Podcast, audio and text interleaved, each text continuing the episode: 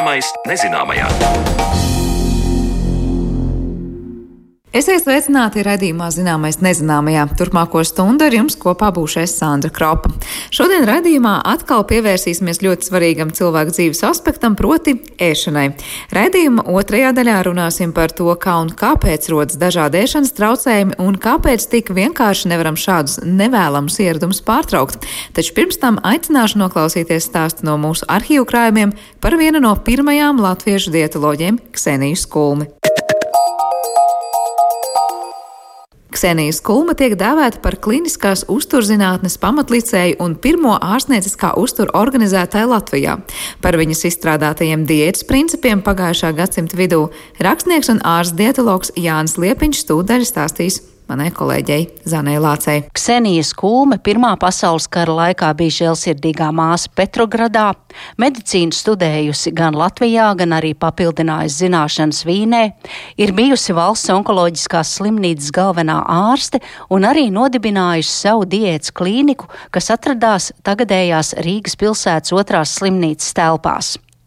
Kā varam lasīt recenziju par 1959. gadā iznākušās Ksenijas skulmas grāmatu Piens, augļi, ogas un dārzāji cilvēku uzturā, tad tur rakstītais pārliecinoši pierāda, ka ļoti daudz cilvēki slimotu nesalīdzināmi retāk un vieglākā formā, ja to uzturā būtu bijis pietiekami daudz piena, tā produktu, dārzāju, augļu un ogu, un tad arī bērni augtu stiprāk un veselīgāki. Kā atceras mans sarunu biedrs, ārsts, rakstnieks un publicists Jānis Liepiņš, tad profesors Kulme uzskatīja, ka ik viens diētas pamatā ir daudzveidīga un sabalansēta ēdienkarte ar jau pieminētajiem dārzeņiem un arī garšaugiem, un tādi bija pieejami viņas diētas klīnikas pacientu ēdienkartē. Nevelti viņa saistījās ar Kautsmindes vecajām absolventēm, kas strādāja viņas klīnikā, lai tas uzturs nebūtu diētisks, bet būtu garšīgs. Vai jūs varat pastāstīt, minēt konkrētus piemērus, kāda tad bija profesors Skulms izstrādātā diēta? Kādi bija tie ēdieni? Sevišķi jau, jau populārs bija toreiz rauga dzēriens, ko Aleksandra Vītola, savulaik bijusi mājturības skolotāja, bet pārkvalificējās profesors klīnikā par diētas māsu, kas prata pagatavot visbrīnišķīgākās variācijas rauga dzērienam. Nu, tagad jau tā neviens nedzer, un, un arī tas man liekas nav aktuāli tas B vitamīns, un mēs dabūjam visvisādākā citā veidā. Bet toreiz tā nu, likās, ka tas ir eh, absolūti visiem nepieciešams ēdiens, dzēriens, pareizāk sakot. Kā tas bija? Paņēma augu vai to? Jā, augu tiešām visparastāko augu, un, un to tad sagatavoja ar piedevām tā, lai būtu garšīgi iedzert. Un kam tad tādu auga dzērienu rekomendēja? Svara nomešanai vai veselības uzlabošanai? Tas tad skaitījās nu, tā kā visu slimību panacējs. Nu, bet tas bija viens, ko profesors... Jā, profesors tās, tās bija viņas, nu, varētu teikt, jājam zirgs. Bet, nu, protams, visas, visas diētas viņa veidoja kā garšīgu ēdienu, ne, nevis kā, nu, teiksim, manas putru tādu viņa vispār neatbalsta neatzina. Lai gan skaitījās tā, ka nu, manas putri jāiet kuģa čūla slimniekam vismaz divreiz dienā. Profesori sacīja, viņam ir jāiet tas, kas veselam cilvēkam jāiet. Tikai jāsasmalcina tā, ka, lai viņam nekairinātu, lai gan vēlāk nāca pie atziņas, ka arī nesmalcināts kuģa čūlē vajadzīgs. Un nekāda saudzēšana nav nepieciešama, jo kuģa čūla nav saistīta ar to, ko ēd, bet ar to, kas notiek galvā. Nu, varētu tā sacīt. Kas tad tolaik skaitījās tie veselīgie un diētiskie produkti? Kategoriski noraidīja, ka kāds produkts būtu bijis kaut kā īpaši izcils. Ir svarīgi kopums, lai tas, kas nepieciešams organismam, lai to saņemtu patīkamā veidā, bet pietiekami daudz, lai būtu visu bioloģiski aktīvo vielu, kas tas toreiz bija tās svarīgākās. Kas eh, tolaik, kas bija tās bioloģiski aktīvās nu, vielas? Tas tad ir vitamīni, organiskās skābes, pektīni, tās visas, kas lielākoties ir dārzeņos un augļos. Profesors eh, vēlēšanas bija pēc iespējas īsāks starp vagu un starp diētas klīniku, lai būtu tas ceļš. Un tāpēc viņa arī saistījās ar Laini, kas toreiz strādāja pārogres tajā izmēģinājuma saimniecībā, kas viņai gādāja garš augus, dažādus, ko nevarēja citādāk, jo vispār nemaz citiem nemaz nebija. Teiksim, baziliku, tādas lietas, jo toreiz tirgu nevarēja pirkt, ne ar kādā veikalā. Un vēl vecbēr, Kas ir Lainis? Lainis, Jānis Lainis bija zinātnisks darbinieks, kas strādāja tajā ogles izmēģinājumu stacijā un audzēja garšaugus. Jūs teicāt, ka viņai tas pamatprincips bija pēc iespējas īsāks ceļš no eh, dārzeņu vagas līdz jā, klīnikai. Tā, tā, ka ne caur kaut kādu sagādas iestādi, bet tieši Lainis viņai atveda, ko viņš daudz nu atveda. Nu, ne jau pārāk daudz garšaugu ir, bet nu, kaut vai to pašu diļu jau nebija. E, nu, tā, tā dille, ko viņš izaudzēja tur pārogrē, Kas nu, vēl? Nu, jā. jā, kādi vēl tie produkti bija, ko profesori uzskatīja, kas cilvēkam ir ļoti nepieciešami? Jūs teicāt par to auga produktu, tad es saprotu, nu, garšaugi. Būtu, jā, tie būtu bioloģiski aktīvās vielas. Nu, toreiz vēl nebija tik ļoti uzsvērta taukskābju nozīme. Toreiz tas vēl nebija vienkārši nu, nebija zinātniski izpētīts. Pagājušā gadsimta 60. gadu vidū profesora Ksenija Kulme vairāk kārt devās zinātniskās ekspedīcijās uz toreizējā Tukuma rajona jūrmalciemiem, lai atspēgotu Ļeņingradas kolēģu apgalvojumus par to, ka kūpinātas zivis izraisa saslimstību ar vēzi. Ļeņingradas zinātnieki sacīja, ka jāizliedz Līgas jūrmalā kūpināt zivis, jo e, kūpinātas zivis ir tās, kas izraisa vēzi. Viņi izmantojami kaut kādas dāmas aplamus statistiskus datus par Tukuma rajonu, pamatoja savu nostādni. Tad profesors sacīja tā, ka tas ir muļķīgs pieņēmums un rīkoja apmēram 3-4 ekspedīcijas, lai pierādītu, ka jūrmalā, kur ēd daudz kūpinātu zivju un salīdzinot ar pagastiem. Toreiz ciemiemiem zemes iekšienē, kur zivis nedabū, ka nav nekādas starpības. Ka tur tā vēža daudzuma nav, vai tas ir nav vairāk vēža kā zemes iekšienē. Bet interesanti ir uzzināt, kāda bija pašas profesoras Ksenijas skulmes ēdienkarte. Un to atceras mans sarunbiedrs, Ksenijas skulmes skolnieks, ārsts Jānis Liepiņš. Profesore pati ēda tā, kā viņa reklāmēja. Tas ir nu, tā, kā viņa sacīja, kā jāēd. Tā viņa pati tiešām ēda. Es biju klāt Pitragā, kad profesori gribēja palikt tur pēc ekspedīcijas, un bija sarunājusi e, vienu Pitragā saimnieci, kas viņai dod vasarā divas istabas. Bet tā saimniece sacīja, bet nekādā ziņā es neuzņemos gatavot jums ēst, jo es zinu, ka jūs esat izpilkusi, un es ne, nespēju pagatavot tā, kā jūs gribat. Profesors sacīja, tā, es ēdu, kā visi ēd. Es neēdu labāk, bet es ēdu pareizi. Un, ja jūs ēdat nepareizi, tad es jūs mācīšu, lai jūs pareizi ēstu. Ko profesors saprata, kas bija tā pareizā ēšana?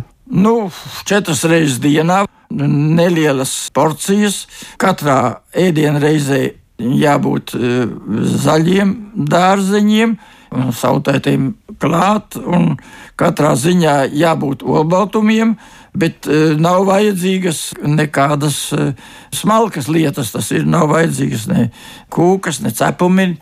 Viņa arī kafijas dzērēja nebija tāda, profesora nebija tāda, viņa nebija gurmane.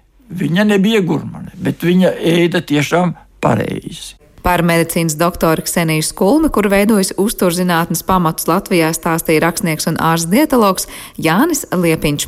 Bet jau pēc brīža mēs šeit runāsim par to, kāda tad ir ēšanas traucējumi un kāpēc tie rodas.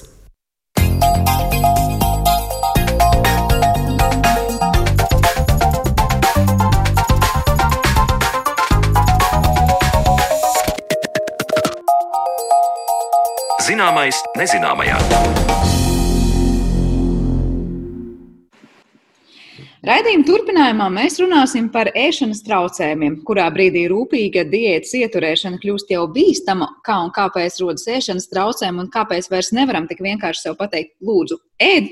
Atbildes meklēsim mēs šodien kopā ar ārstu psihoterapeitu pieaugušo bērnu psihoanalītiķu Silviju Leinieci. Labdien, Silvija! Labdien! Eh, cik garš ir tas solis no it kā rūpīgas sekošanas līdz savai diētai, līdz jau nu, tādiem nopietniem ēšanas traucējumiem? Proti, kad gribējām kā labāk, bet sanāca nu, netik labi. Eh, jūs zināt, eh, es gribētu uzsvērt, ka ēšanas traucējumi ļoti bieži norit ļoti nemanāmi. Un veltījos jautājot par soli, jo, jo gan, gan anoreksijas, gan bulimijas pacientiem dažkārt Tie simptomātika ir bijusi jau ļoti sen, bet ne tuvinieki, ne pati pacienti nav īsti pievērsusi tam uzmanību. Tāpēc ļoti svarīgi ir, kā saka, paskatīties no šī skatu punkta, vai ir kādi veselības traucējumi, vai svaras zūd ļoti strauji, vai, vai ēšanas traucējumi rada arī kādus fizioloģiskus ķermeņa traucējumus. Viss tas seko ļoti seko smagi veselības traucējumi. Gan endokrinoloģiski, gan, gan svara zudums rada ļoti lielas ķermeņa izmaiņas. Tāpēc solis var būt arī diezgan plašs un neredzams. Var teikt, ka tā sākumā tās pirmās indikācijas būs tādas nu, īpaši, varbūt, eh, nu, pamanāmas. Tad eh, runa ir piemēram par, nu, ja mēs tā vairāk sportojam vai mazāk ēdam, nu, protams, tas svars zudīs, bet kur ir tā robeža, ka tas svars zudīs jau par strauju?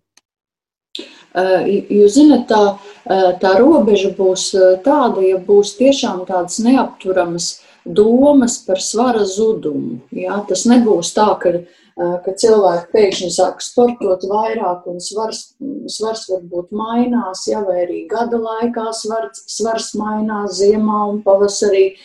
Tas būs, tas būs tādas nepārvaramas domas par to, ka cilvēks ir pa, pa lielu svaru. Ja? Uzmācīgas, nepārvaramas domas par to, ka cilvēks nav, nav pietiekami labs vai pietiekami nesver. Ja?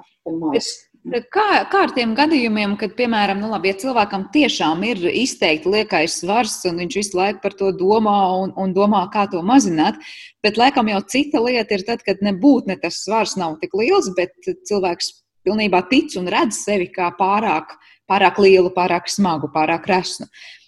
Tajā brīdī. Jā. Tur būs tās uzmācīgās domas, jo no vienas puses, ja cilvēkam tiešām ir liela, liekais svars, eh, varbūt tas ir normāli, ka viņš par to domā, kā to mazināt visu laiku. Jā, ja, ja cilvēkam tiešām ir liekais svars, tad tur ir jāpapēta, varbūt, ka cilvēkam ir arī viens no ēšanas traucējumu uh, variantiem mm, liekveidīga pārēšanās, jā, un, un, un, un, un emociju varā cilvēks ēd tiešām par daudz, un tad arī, arī tad domas par svaru, domas par ēdienu būs uzmācīgas.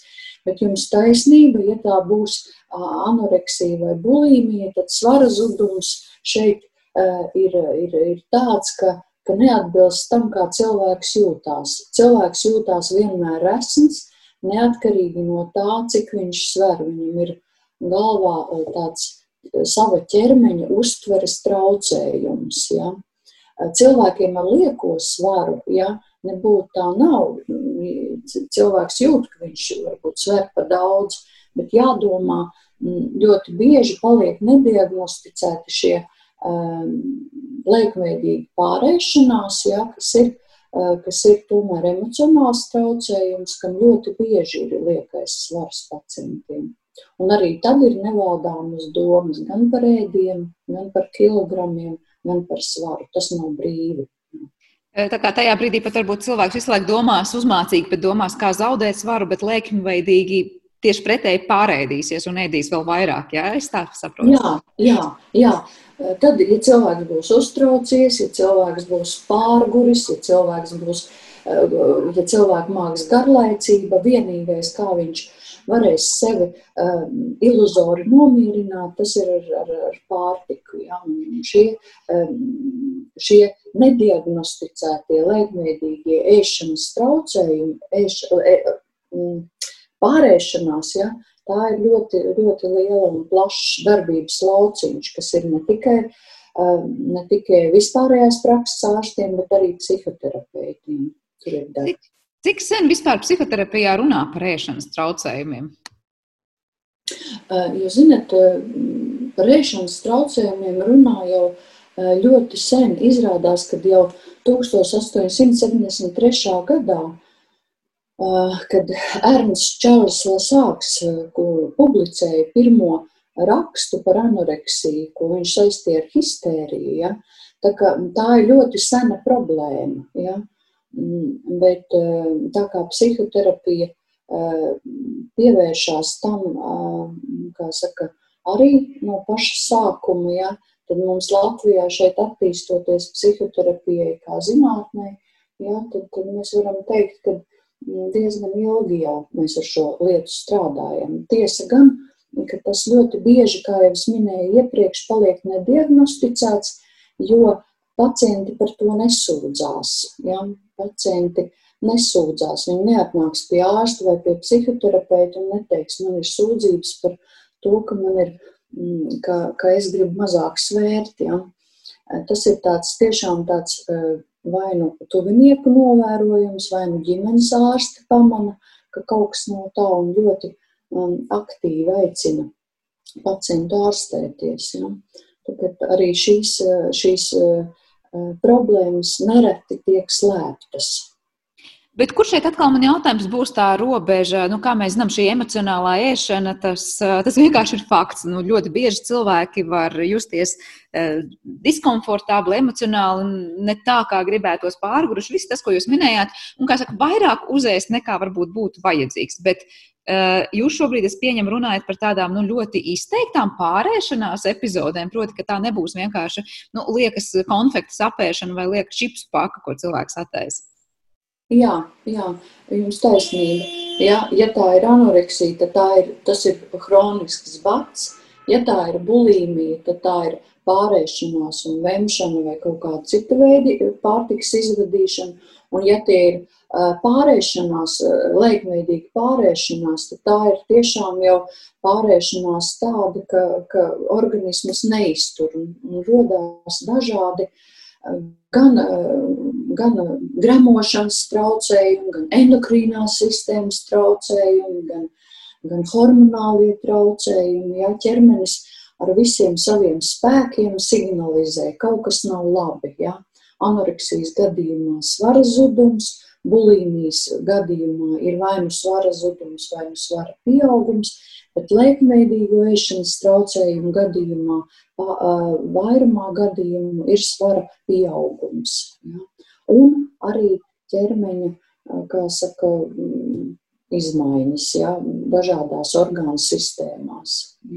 Jā, varbūt jūs varat nedaudz vairāk ieskicēt, kas tad īsti tajā orgānu sistēmā notiek. Nu, piemēram, jūs teicāt, endokrīnā sistēma, proti, nu, tad, kad cilvēks izteikti daudz un, un ilgi nēdīs, Kas ar tiem hormoniem notiek? Kas tajā brīdī signalizē, par ko organismam var teikt, nu, viņam nojūta kaut kāds orientieris, kas notiek ar organismu?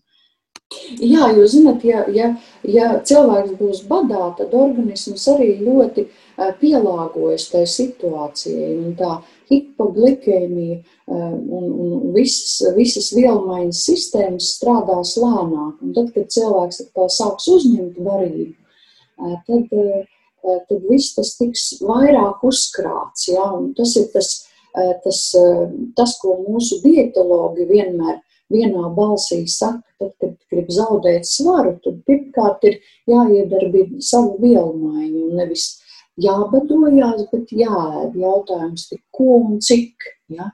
Tāpēc arī šī gan hipoglikēmija, gan arī hormonālās svārstības, visas, kas notiek organismā, rada ļoti daudz bojājumus, kur, kur cilvēks sāk pirmkārt nejust spēku, ļoti daudz salst, jā, samazinās hemoglobīna daudzums, jā, asinīs, skābekļa pieplūde samazinās gan smadzenēs, gan visā organismā, jā. Tā, kā, tā ir ļoti nopietna slimība, jā, kas uh, it kā skaitās uh, psihoemocionāli, bet skar ļoti, ļoti fizioloģiski arī cilvēku.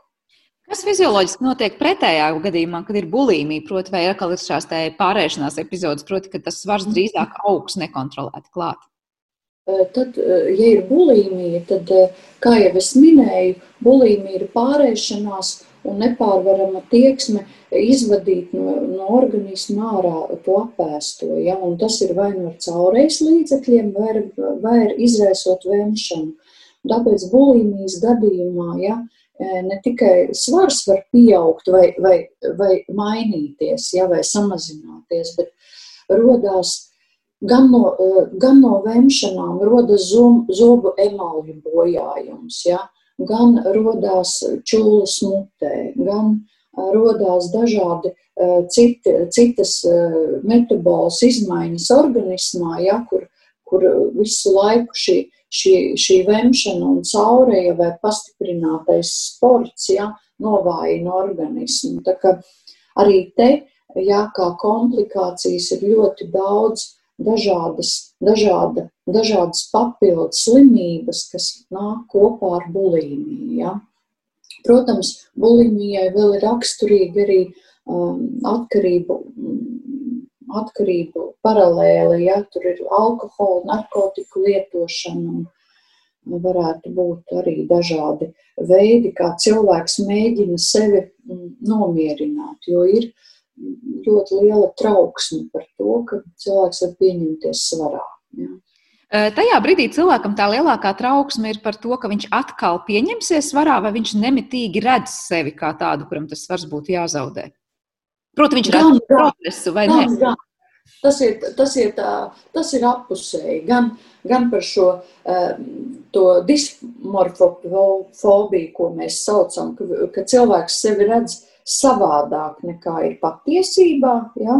Viņš sevi redz kā resnu, ja? vai, vai kā, kā, kā sejas, vai, vai atsevišķu ķermeņa daļu, kā saka, resnumu vai, vai izmaiņas. Ja? Tur būs gan atsevišķas ķermeņa daļas, gan seja jā, tās ir tādas bailes un, un sava ķermeņa mm, traucēta uztvere un nepieņemšana. Jā. Vai mēs varam, nu, ja tā var teikt, ielūkoties tajā, nu, kas notiek tā cilvēka smadzenēs tajā brīdī, kad cilvēks tiešām sevi tā redz? Jo, liekas, nu, tāda izteikti anoreksijas gadījuma, nu, kurš nav redzējis, nu, tiešām praktiski kauli tikai staigājošs cilvēkam, vai tiešām šāds cilvēks uz sevi skatoties spogulī, neredzēs to, ka tur nu, ne tuvu nav resns tas cilvēks. Proti, kas tajās smadzenēs notiek?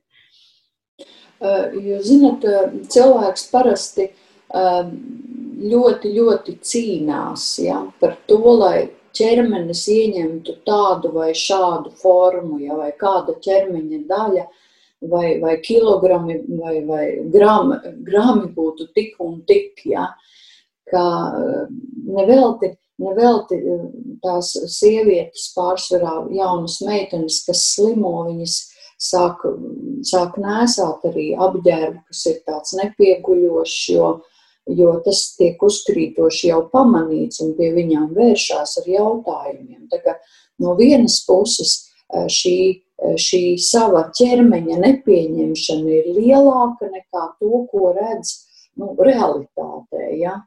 Un, un, protams, kā jūs sakat, eh, ka smadzenēs ja, notiek tāda ļoti dziļa sevis nepieņemšana, ja, eh, dziļa tāda agresīvs uzbrukums sev, ja, līdz tam, ka labāk nomirt nekā pieņemties svarā, piemēram, ja, labāk bada dēļ iet bojā, eh, nekā turpināt tās psihoemocionālās ciešanas par to, ka ka tu nevari pieņemt sevi tāds, kā, tāds, kā tu esi. Un tas, ir tā, tas ir ļoti skumji, un tas ir arī ļoti bīstami, jo, ja cilvēks nesaņem tiešām palīdzību, tad tas uh, iznākums var būt ļoti dramatisks. Ja? Un, protams, mūsu gan modes bizness, gan, gan, gan ārējais eh, tāds spiediens būt visiem tik perfektiem ar tādiem un tādām aprisēm, ja arī eh, jaunām meitenēm pusaudzēm nepalīdz būt brīvākām. Ja, vienmēr ir tāds, tāds strikts uzstādījums, ja, ka jābūt ir perfektam. Kas nosaka to? Jo, nu, protams, tas nav nekas jauns. Man liekas, gadu desmitiem e, tiek runāts par to, ka šie visi standarti vai tas, kas tiek uzskatīts par skaistu vai ideālu, protams, varbūt uzliek kaut kādu nu, tādu nospriegojumu cilvēkiem, kā, kā nu kurš mēģinās tajos ideālos iekļauties. Bet kāpēc tomēr ir cilvēki, kas redzot un dzirdot par šiem ideāliem, nu, vienkārši spēj, nezinu, piekopt kaut kādu veselīgu dzīvesveidu un uzturēt sevi veselīgā formā, un ir citi, kurus šie standarti nu, nu, dzen šajā otrajā galējībā, proti, nu, novest līdz tādiem traucējumiem. Vai tur ir kādi citi iemesli, vai kas nosaka, nu, kāpēc viens būs jutīgāks uz to, un, un citam pilnīgi tas neko tā īpaši neietekmēs? Jā, nevelti ir izpētīti arī riska faktori. Ja? Eh, kad cilvēkiem varētu attīstīties ēšanas traucējumi. Piemēram, ir pierādīts, ka, ka pacientu vecāku laba izglītība un laba ienākumi, ja, cilvēki pie, pie tādiem, tādām nabadzīgās valstīs šādi traucējumi ir daudz mazāk, ja, bet, bet pie, pie labām izglītībām, labiem ienākumiem, vai arī, vai arī bērni, kam ir agrīna barošanas traucējumi, ja, tādu vai citādu, kā saka, rezultātu, tādu vai citādu iemeslu rezultātā, vai arī, vai arī vecākiem, kam ir šajā gadījumā mamām, kam ir, kam ir pašām bijuši ēšanas traucējumi, viņu bērniem risks ir ar šiem traucējumiem ciest pašiem, ja? samazināts pašnovērtējums, kas ir, kas ir gan vecākiem, varbūt gan, gan uh, gan nāk saka, tālāk bērniem. Ja.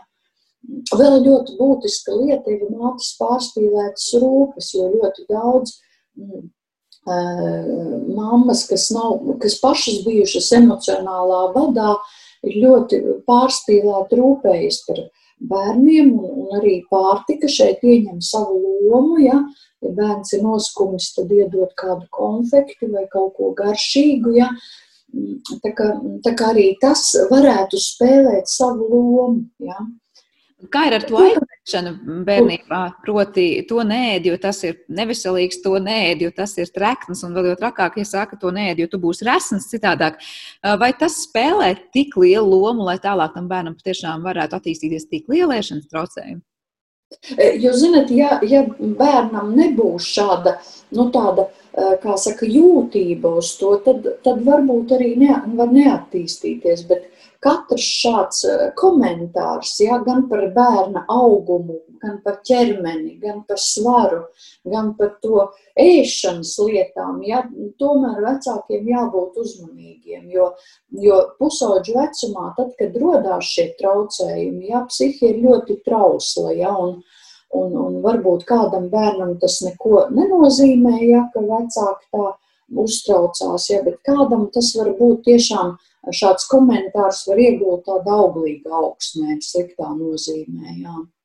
Tas būtu saistīts ar to, varbūt, nu, kas notiek ar pusauģiem un viņu psihi. Es esmu dzirdējis no citiem jūsu kolēģiem, kas saka, komentējot citus tematus, nu, viņi vienkārši nespēja atšķirt kaut kādu vidusceļu. Viņiem viss ir vai nu melns, vai nu balts, un viss ir galējībās. Proti, viņam viens komentārs par to svaru Eh, patiešām novedīs pie tā, ka viņš savā galvā noticēs tam, ka viņš ir katastrofāli resns un es nezinu, kas ir jāsāk darīt. Un, proti, viņš nespēs izvērtēt, ka tas bija varbūt vispār neadekvāts komentārs vai nepamatots komentārs.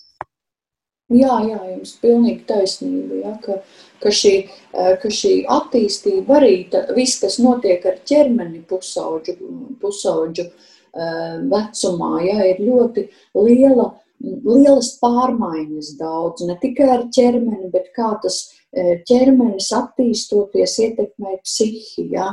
Un, un, un tādējādi pusauģi jau kļūst nevis tāpat šādi trausli vai šādu, šādu kontrastaini redzot pasauli, bet tikai tāpēc, ka viņiem pašiem iekšējā pasaulē ļoti daudz iekšējo konfliktu jārisina. Ja? Un, un, un šādā gadījumā vecāku atbalsts un sapratne ir uh, daudz palīdzošāks nekā kāds uh, kritisks vai strikts komentārs. Bet, kā jau minēju, arī vecākiem var būt sava vecāku psihopatoloģija. Kāpēc tā? Nu, vecāki mēdz uztraukties par bērnu svaru vai par bērnu Eh, ēšanu vai, vai, um, vai šo veselīgo mm, ēšanu, kas visnotaļ ir laba, bet visam vajag, eh, kā saka, mēru un harmonisku vidusceļu. Nu, ko darīt tajos brīžos, kad nu, jau ir tie ēšanas traucējumi? Es domāju, nu, līdz tādai stadijai kā anoreksija vai bulimija. Uh, un tiešām cilvēks sevi spogulī redz tādu, kāds viņš pavisam noteikti neizskatās. Uh, vai tajā brīdī tām smadzenēm var palīdzēt likt ieraudzīt to, to reālāko ainu un kā tas notiek, ja to var izdarīt? Es aicinātu tiešām uh, vērsties pie palīdzības, gan, uh, gan pie psihoterapeita, gan pie psihiatra smagākos gadījumos, gan, gan pie sava ģimenes ārsta. Ja? Jo, jo, jo gan, uh, gan dažkārt sievietēm ginekologs būs, kas pateiks, ka, ka ir vajadzīga šī palīdzība, jo būs, būs beigušās mēnešreiz meitenēm. Ja? Tā kā, tā kā tas būtiskākais ir nenolaist rokas un vērsties pie palīdzības, jo palīdzību var saņemt. Ja? Ja? Gan, protams, ārstēšana ir kompleksa, ja? Gan, gan psihoterapeits, gan psihiatrs, ja vajadzīgs, gan, uh, gan vispārējais prakses ārsts, ja būs noteikti nepieciešams, un būs nepieciešams laiks un palīdzība. Un, protams, ļoti palīdzēs arī atbalstoša ģimene. Ja, ja, ja mēs runājam par pusauģiem vai bērniem, kad sākās šie traucējumi, tad jo ātrāk pacients tiek nogādāts pie ārsta pēc palīdzības, jo ātrāk var, var gaidīt rezultātu. Ja šie traucējumi ir ilgstoši jau bijuši, tad šī palīdzība vai ārstēšanās būs ilgstoša un darbietilpīgāka. Ja? Kas šī gadījumā? Es aicinu jā, meklēt palīdzību. Kas šajā gadījumā būtu tā ilgstošā? Nu, piemēram, kad vēl skaitās, ka tas ir laikus uzķerts, eh, un, un kad jau tas ir diezgan iekavēti, lai vērstos pie palīdzības? Jūs zināt, nu, līdz 3 līdz 6 mēneši tas būtu ļoti labs rezultāts, kā nokļūt pie ārsta. Ja? Ļoti, nu, tas, tas būtu ļoti labi, bet manā praksē, eh, diemžēl, šādi gadījumi ir ļoti maz, kad gan vecāki ļoti aktīvi, ja? gan arī pacients pats var var varbūt, eh, kā saka, nezaudējot cerību nākt pie ārstiem. Bet, eh, bet ja, jo tas ir ilgāk, jo tas ir, jo, ja tas vēlkās gadiem, īpaši bulimijas vai eh, kompulsiju vai, vai lēkveidīgu pārēšanās traucējumu gadījumā, ja, tad arī ārstēšana ir ilga. Ja. Katram individuāli, bet ilga. Eh, bet ko psihoterapijā, piemēram, nu, uz ko balstās tā ārstēšana? Kā var palīdzēt tajā brīdī tam cilvēkam?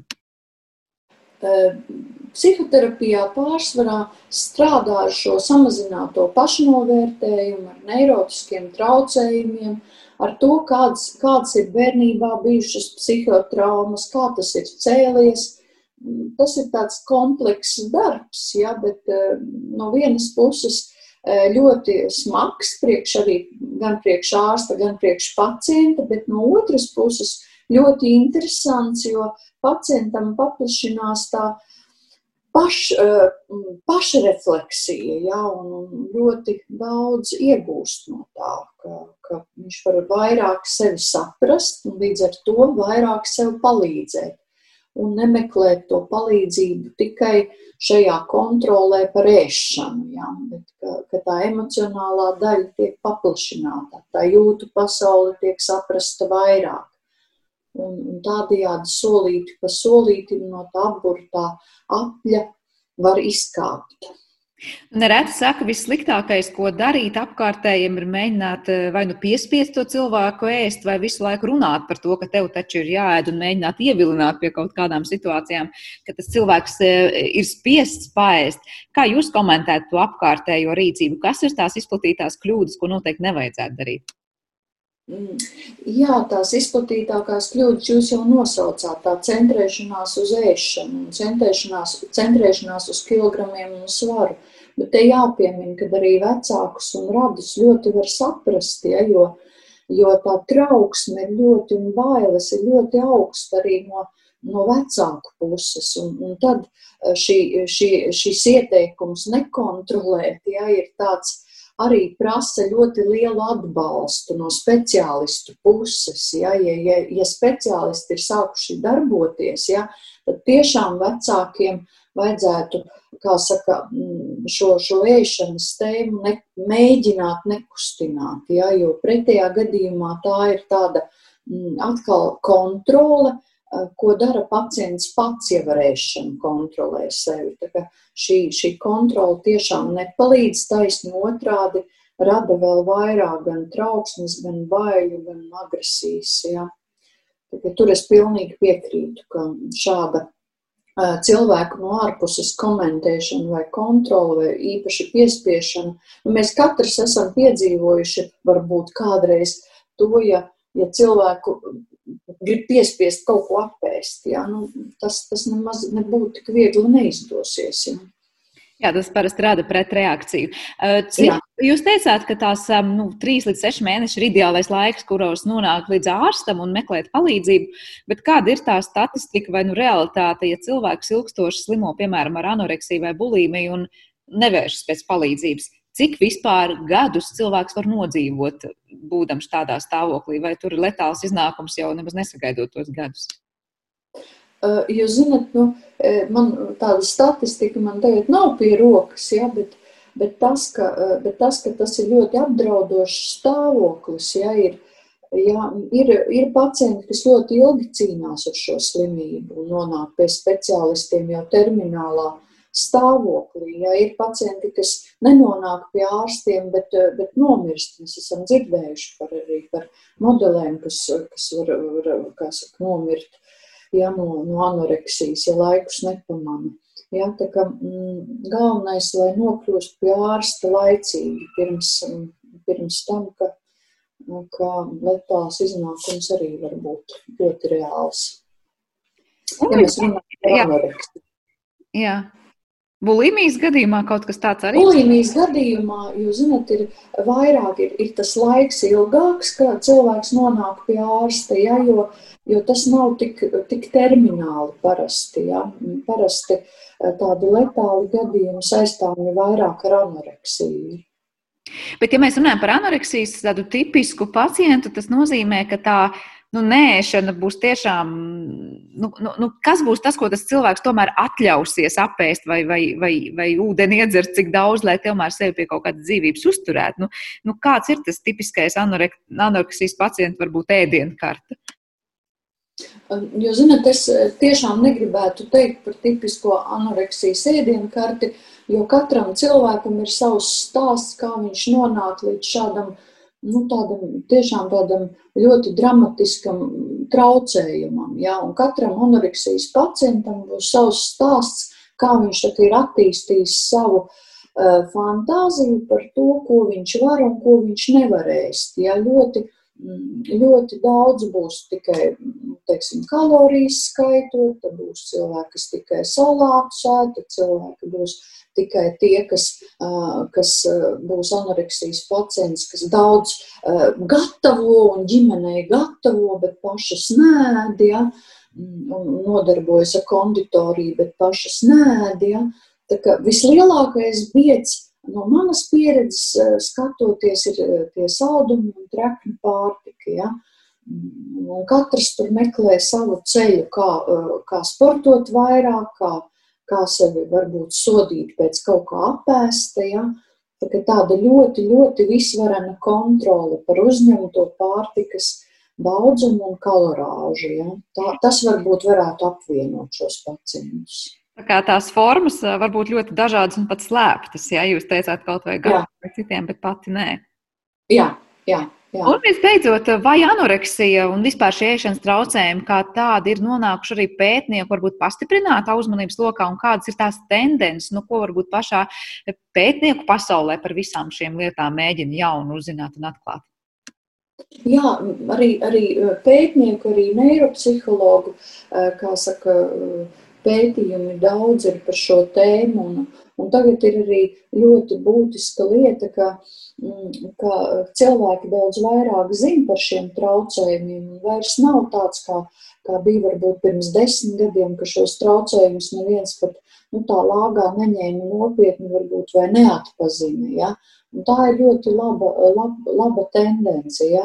kad arī modeļu biznesā ļoti uzmanīgi ir par šiem, par šiem traucējumiem, ja? ka mēs tomēr esam uzmanīgi par, par to, ka arī šie ēšanas traucējumi ļoti nopietni lieta un neiro psihologi un neirofiziologi arī to pēta, ja, kā varētu palīdzēt vairāk šiem pacientiem.